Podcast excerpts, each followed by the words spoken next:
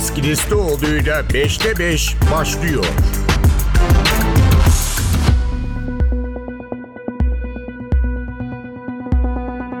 Merhaba, 5'te 5 ile karşınızdayız. Bu hafta Brezilya'yı konuşacağız. Malum Brezilya'da Ekim ayında seçimler vardı. Geçen hafta da yemin töreni oldu.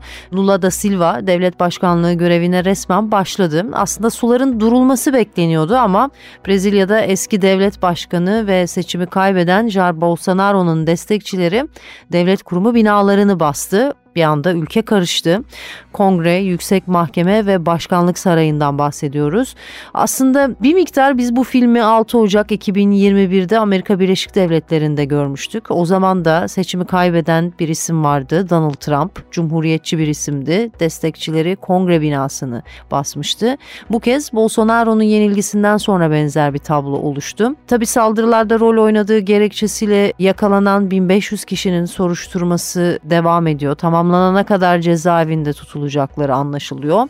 Yeni devlet başkanı da Silva sorumluların cezalandırılmasını, hukuki sürecin bir şekilde sonuçlanması gerektiği mesajlarını veriyor. Biz de bugün Brezilya'dan yola çıkarak, daha önce Amerika Birleşik Devletleri'nden yola çıkarak dünyada dönüşen, zaman zaman şiddete evrilen seçmen hareketlerini, hedef noktalarını ve bu eylemlerdeki motivasyonu konuşacağız. Konuğumuz Selçuk Üniversitesi Uluslararası İlişkiler Bölümü öğretim üyesi ve Latin Amerika uzmanı Doktor Esra Akgemci. 5'te 5 başlıyor. 5'te 5 Sayın Akgemci yayınımıza hoş geldiniz. Hoş bulduk, teşekkürler. Şimdi Amerika Birleşik Devletleri'ni gördük iki yıl önce. Şimdi Brezilya, Donald Trump ve Jair Bolsonaro destekçilerinden bahsediyoruz. İki tarafta kamu binaları, kongre binası gibi sembolik yapılara dönük eylemler yaptılar. Ortak yönleri neydi? Bununla başlayalım isterseniz. Yani destekçileri kongre ya da devlet kurumu binasını bastırmaya dönük motivasyon neydi? Öncelikle ABD'deki temel motivasyon Biden'ın göreve gelmesini engellemekti. Hı hı. O kongre baskınının amacı. Zaten o kongre baskınının ardından da Brezilya'da Bolsonaro'cuların da yaklaşan bir seçim süreci vardı çünkü. Hı hı. Olası bir Bolsonaro'nun da anketlerde popülaritesi çok düşüktü. Trump gibi benzer bir durumda kalırsa acaba Bolsonaro'cular da işte kendi altı ocaklarını yapabilirler mi diye zaten o dönemden itibaren konuşuluyordu. Çünkü zaten Bolsonaro Brezilya'nın Trump'ı olarak anılan ve gerçekten pandemi sürecinde de Trump'ın yaptıklarını birebir yapan bir liderdi. O yüzden o dönemden beri oraya bakılıyordu. Brezilya'da da benzer bir şey olabilir mi? Brezilya'da şöyle bir farklılık oldu. ABD'de Biden göreve gelmeden önce engellemek için bir baskın varken Brezilya'da Lula göreve geldikten sonra böyle bir baskın yapıldı ve Brezilya'dan sadece Ulusal Kongre değil Başkanlık Sarayı ve Yüksek Mahkemede basıldı. Hı hı. Bunlar üç kuvvetler yani bunlar zaten üç kuvvetler meydanı bu üç organın hı hı. bulunduğu meydan. Yasama yürütme yargıdan Brezilya. bahsediyoruz. Evet hı hı. yasama yürütme yargı yani bu üç organa birden saldırıldı. Yani bu doğrudan demokrasiyi hedef alan bir eylemdi ve darbeci bir eylemdi. Hı hı. E, çünkü zaten göstericiler orduya darbe çağrısında bulundular. Burada hı gene Brezilya'nın farkını hatırlayalım. Brezilya askeri darbe geçmişi olan bir ülke. Hı hı. 1964'ten 85'e kadar çok sert bir askeri rejim yönetti Brezilya'yı. Ve Bolsonaro da eski bir askerdi. Darbe döneminde görev yapmış bir askerdi ve önce vekil oldu sonra senatör sonra başkanlığa seçildi ama bu süreçte her zaman antidemokratik söylemlerini sürdürdü. Her zaman darbelerin olumlu etkileri olabileceğini, demokrasilerde sorunların çözülemeyeceğini hep antidemokratik söylemlerde bulundu. O yüzden Brezilya'da böyle bir darbeci dinamik var e, ABD'den farklı olarak. Zaten e, bu baskının arkasında da bir darbe planları olduğu hatta CIA tarafından desteklendiği gibi birçok söylenti de var. Gene Kalkınma Bakanı, Brezilya'nın Kalkınma Bakanı Diaz dedi ki bunlar istihbarat odasına girdiler, bilgisayarı kopyaladılar, önemli bilgiler aldılar, önemli devlet belgelerini yok ettiler. Böyle bir boyutu da vardı e, Brezilya'da. Yani doğrudan Brezilya demokrasisini ve tabii ki Lula hükümetini hedef alan ve orduyu e, göreve çağıran, harekete geçirmeye çağıran darbeci bir eylemdi bu. Şimdi söylediğiniz çok önemli. Birkaç noktanın altını çizdiniz. Bekleniyordu dediniz. Amerika hı hı. Birleşik Devletleri'nden farklı noktalarını saydınız ki üç erke dönük bir mesajdı. Özellikle hı hı. yasama, yürütme ve yargı kurumlarının binalarına dönük olması sebebiyle Amerika Birleşik Devletleri'nden farkını biraz ortaya koydunuz. Ve zamanlaması itibariyle yani birisi e, göreve geldikten, resmen göreve hı hı. geldikten sonra olmuş durumda. O anlamda ikinci sorum da bunlarla hep irtibatlı.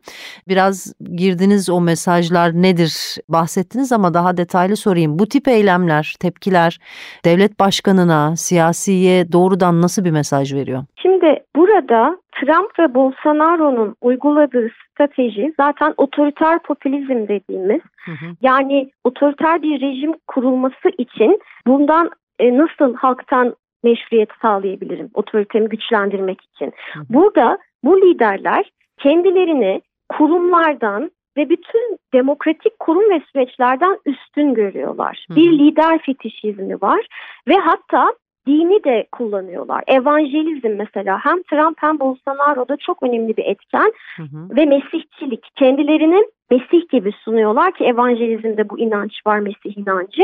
Bolsonaro'nun zaten ortanca adı bile Mesih, Jair Mesias Bolsonaro hı hı. ve bunu çok kullanıyor ve bu liderler kendilerini beklenen lider, ulusun başına gelince bütün sorunları çözecek olan lider gibi konumlandırıyorlar ve dediğim gibi dini de kullanarak kendilerini kurumlardan çok üstün gösteriyorlar. Trump'ta da gördük. Dünya. Sağlık Örgütü'nden çıkardı ABD'yi. Bütün hani küreselcilik karşıtı da, gibi de konumlandırılıyor bu. Yani ulusal ve uluslararası hani hı hı. gerek içeride kongre olsun gerek dışarıda Birleşmiş Milletler'in örgütleri olsun kendilerini bu kurumlardan üstün görüyorlar ve onların takipçileri de bu liderlerin takipçileri de doğrudan bu liderlerle özdeşleştiriyorlar kendilerini hı hı hı. ve buradaki bir diğer strateji de hedef göstermek ve silahlandırmak. İki liderde de gördük bunu. Kendi neredeyse paramiliter diyebileceğimiz çetelerini oluşturdular. Özellikle Brezilya'da burada neofaşizm de denilen bir faşist hareketin yükselişine tanıklık ettik son 4 yılda ki iki lider de sadece 4 yıl iktidarda kalmasına rağmen toplumu gerçekten müthiş derecede kutuplaştırmış durumdalar. Burada özellikle liderler kendilerine bir hedef seçiyorlar. Burada da çok benzerlikler görüyoruz. İşte kültürel Marksizm deniyor. Böyle bütün solcuları, feministleri hepsini içine atarak işte aile, vatan, din, tanrı gibi değerleri yükselterek ona yönelik herkesi işte yerli olmayan işte yabancı ideoloji gibi görünen herkes ama özellikle de solcuları hedef göstererek bir strateji yürütüyorlar. Dolayısıyla bu, bu tarz baskınlar gerçekten nefret söylemi en başında bu ım, nefret söyleminin bir ifadesi ve tezahürü gerçek hayatta, gündelik hayatta e, ve bu tabii ki insanlarda çok korku oluşturuyor. Yani hı hı. özellikle Brezilya açısından gerek darbe geçmişinden dolayı olsun, gerek diğer toplumsal travmalarından dolayı olsun insanlara müthiş bir korku ve huzursuzluk salıyor. Zaten burada da bu kutuplaşma ortamında sol iktidara gelse bile nasıl yönetecek? Yani biz size yönettirmeyeceğiz diyor aslında Bolsonaro'cular yani Lula'ya. Tamam iktidara gelmiş olabilirsin ama biz de buradayız e, mesajı veriyorlar. Beşte beş. Üçüncü sorum da aslında nasıl bir liderlik benzerliği var? Yani liderlik perspektifi ya da liderlik anlayışı açısından nasıl bir benzerlik var diye soracaktım. Aslında hem ikinci hem üçüncü sorumuzu birlikte yanıtlamış oldunuz. Bu anlamda bir cümleyle özetlemek isteseniz seçmenin lidere verdiği mesaj tam olarak neydi? Bu anlamda lider nasıl bir profil ortaya koyuyor ki seçmene o mesajı veriyor? Biz bunu otoriter otoriter popülizm diye özetliyoruz hı hı. ve gerçekten Trump ve Bolsonaro bunun en açık örneği. Tersten yani kendilerini zaman. ve seçmenler de bu liderlerden neden medet umuyorlar? Çünkü bu liderler çok basitleştiriyor. Siyah ve beyaz bütün meseleler çok kolay çözülecek gibi. O yüzden bu liderlerin takipçileri de bir içinde bulunduğumuz ortamı düşünün. Covid ekonomik kriz, bütün bu belirsizlikler ve toplumsal anksiyetenin yükseldiği bu karmaşıklıklar insanlarda kendilerini daha kolay çözümler sunan liderlere yöneltebiliyor. Hı hı. Ee, ve gerçekten de buradaki bu mesihçilik inancı yani mesela bir evanjelik bir lider geldiği zaman Brezilya yükselecek. Bakın iki liderde de Trump diyordu ki ABD'yi yeniden büyük yapacağım. Hı. Aynı şeyi Bolsonaro da söylüyordu. Brezilya'yı yeniden büyük yapacağım. Hı hı. Ee, burada ulusun kaderi lidere bağlı gibi bir imaj çiziliyor hı hı. ve seçmenler de kendilerini liderle özdeşleştirdikleri zaman bu takipçiler ve fanatizme varıyor tabii bunu da vurgulamak lazım. Hı hı. Yani Bolsonaro'ya oy veren birçok insan çünkü o tanrı bile diyorlardı. Hı hı, hani hı, hı. sadece din tek başına açıklamıyor elbette ama hı hı. bunu çok iyi kullanıyorlar. Yani ekonomik liderlik öne çıktığı e, için de sembolik hı hı. olarak kurumların öne çıkmadığı bir sosyolojide hı hı. hedefler kurum binaları oluyor o zaman öyle bakıyoruz. Kesinlikle. Peki. 5'te 5 Dördüncü sorum şu, biraz da seçmen profili açısından yorumlayalım meseleyi. Kuşkusuz her ülkenin kendi dinamiğinde değerlendirilmesi gerekir. Ama temel perspektifte işte sağ seçmen, sol seçmen, ortanın sağı, sağın sol, ortanın solu, aşırı sol, aşırı sağ gibi kavramlar üzerinden genel perspektifte ayrıştırabiliyoruz. Ama hani bu Brezilya örneği üzerinden baktığımız zaman seçmen profili eğilimleri, demografik ve sosyolojik yapısına bakıldığı zaman nasıl bir tablo var? Bir kere dünya genelinde ve yeni muhafazakar ideoloji dediğimiz daha e, neoliberalizmle de iç içe geçerek sağı da daha aşırı bir noktaya çeken aşırı sağ ya da yeni sağ dediğimiz ideolojinin yükseldiği bir bağlam var. Hı hı. E, Latin Amerika'da da bu böyle. Bolsonaro da bu yeni sağ dediğimiz aşırı sağın en önemli temsilcilerinden biriydi. Dolayısıyla zaten Bolsonaro hem bir aşırı sağ dediğimiz bir seçmen hitap etti hem de sağı da merkez sağı da daha e, radikal bir noktaya çekti. Ama bir yandan iktidarı ilk geldiğinde bunu yapabildi. Ama 4 yıllık iktidarının ardından özellikle pandemi sürecini çok kötü yönetmesi, işte aşı tedarikini geciktirmesi, sağlık sisteminin çökmesine yol açması, hı hı. ekonomiyi yönetememesi gibi birçok şeyden sonra Bolsonaro'ya oy veren merkez sağcıların bir kısmı o desteklerini çektiler. Hatta ilk seçimin ilk turunda Bolsonaro daha düşük oy almıştı ama parlamentoya baktığınız zaman kongrenin alt ve üst kanadında da sağcı hem Bolsonaro'nun partisi hem de diğer sağ partilerin oyunun yüksek olduğunu görmüştük. Yani Bolsonaro'yu istemeyen ama gene de sağa oy veren bir seçmen de vardı ve ikinci turda Lula'ya oy verdiler. Yani şu an şunu söyleyebiliriz. Brezilya çok kutuplaşmış bir ülke hı hı. Ama bu sağ ve sol kutuplaşmasından ziyade İşçi Partisi karşıtlığı ve İşçi Partisi taraftarlığı. İşçi Partisi Lula'nın ve Dilma Rousseff'in partisi 13 yıl Brezilya'yı yöneten onun uyguladığı sosyal politikalar bir takım sınıfsal kırılmalara yol açtı. İşte alt sınıfların çok yükseleceği, orta sınıfların bazı ayrıcalıklarını kaybedeceği korkusuyla vesaire bu sınıf çatışmasından da tetiklendi. Ama dediğim gibi solcuların içinde de sağcıların içinde de en önemli belirleyen hani işçi partisi karşıtlığı ya da taraftarlığı aslında. Hı hı. Ee, yani bugün Lula'nın devlet başkan yardımcısına bakarsanız Geraldo Açkim aslında merkez sağ temsilcilerinden birisidir ve koalisyon içerisinde sağ da var.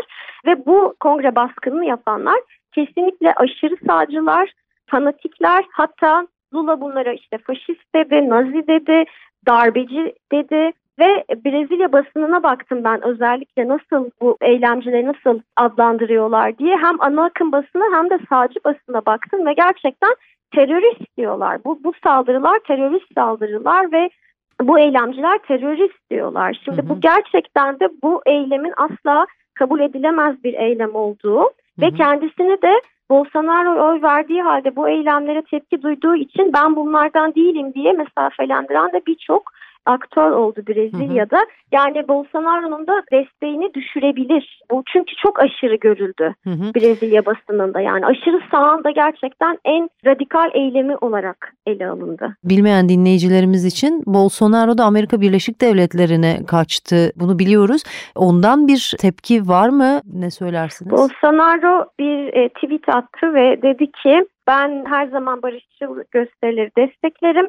Bu tarz gösterileri desteklemem ama bunu söylerken sola da işaret etti. Sanki şey gibi gösterdi. Bu tarz yani solcular da yapıyor. Hatta 2013 ve 2017 arasında 2013'te çünkü hatırlatalım Brezilya'da Dünya Kupası'na ve olimpiyatları ev sahibi yapacağı süreçte çok fazla masraf harcandığı için ilk solcular sokağa çıkıp protestolar etmişlerdi. Hı hı. Ee, böyle solcuların yaptığı eylemleri de böyle sanki aynı şeymiş gibi göstererek solcular da böyle yapıyor.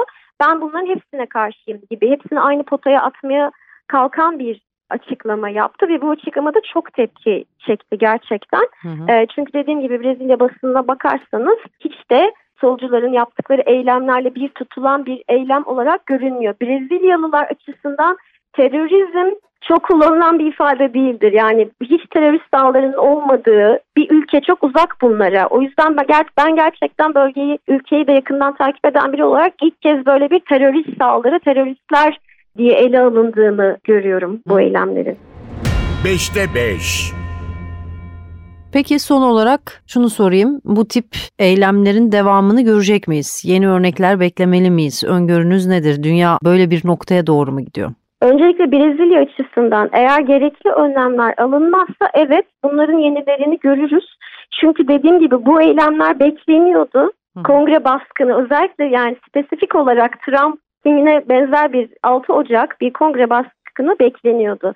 Ve o zaman en temel soru şuydu. Nasıl bu kadar hazırlıksız yakalanıldı? Bu kadar beklenen bir olaysa burada da federal bölge valisinin göz yumduğunu ve polis ve ordunun da desteği olduğunu en azından bir kısmının desteği olduğunu görüyoruz. Zaten Lula çok sert önlemler aldı. Federal Bölge Güvenlik Bakanı Torres ve Federal Bölge Güvenlik Valisi Rocha görevden alındı. Başkentte OHAL ilan edildi 31 Ocak'a kadar. Kim yardım ediyorsa, kim finanse ediyorsa bedelini ödeyecek dedi Lula. Bolsonaro'nun kışkırttığını söyledi. Vizesi iptal edildi Bolsonaro'nun. Muhtemelen tutuklanacak, tutuklanması gündeme gelecek Bolsonaro'nun. Yani Lula bir yandan da dünyadan da çok önemli destek gördü. Hı hı. Şu an eli çok güçlü Lula'nın. Eğer gerçekten sorumluları cezalandırabilirse ve göz yumanlar cezalandırılırsa bir daha olması önlenir. Ancak bunlar yapılamazsa Brezilya'da yeniden görülebilir. Dünya genelinde de böyle bir tabii endişe oldu şimdi iki ülke örneği arka arkaya gelince ama gerçekten Trump ve Bolsonaro birbirine çok benzer örnekler olduğu için bu kadar benzer şey görebildik. Bu şimdilik erken bir şey. Hani dünya genelinde de böyle yayılır mı? Ama tabii ki endişe de demokrasiye yönelik bir saldırı. Çünkü aşırı sağ dünya genelinde hız kazanıyor. Seçimleri kaybeden aşırı sağcılar bu tarz en önemli eylemlere başvurma endişesi de gayet e, meşru bir endişe. Peki. Çok teşekkür ediyoruz. Selçuk Üniversitesi Uluslararası İlişkiler Öğretim Üyesi Doktor Esra Akgemci yayınımıza katıldığınız için son derece net, karşılaştırmalı bir analiz oldu. Ağzınıza sağlık. Ben teşekkür ederim. İyi yayınlar.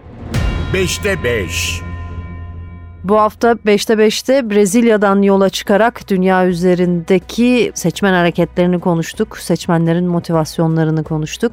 Haftaya bambaşka bir konuyla yeniden karşınızda olacağız. Ben Deniz Kilislioğlu. Deniz Kilislioğlu'yla 5'te 5 sona erdi. Kaçırdığınız bölümleri NTV Radyo podcast sayfasından dinleyebilirsiniz.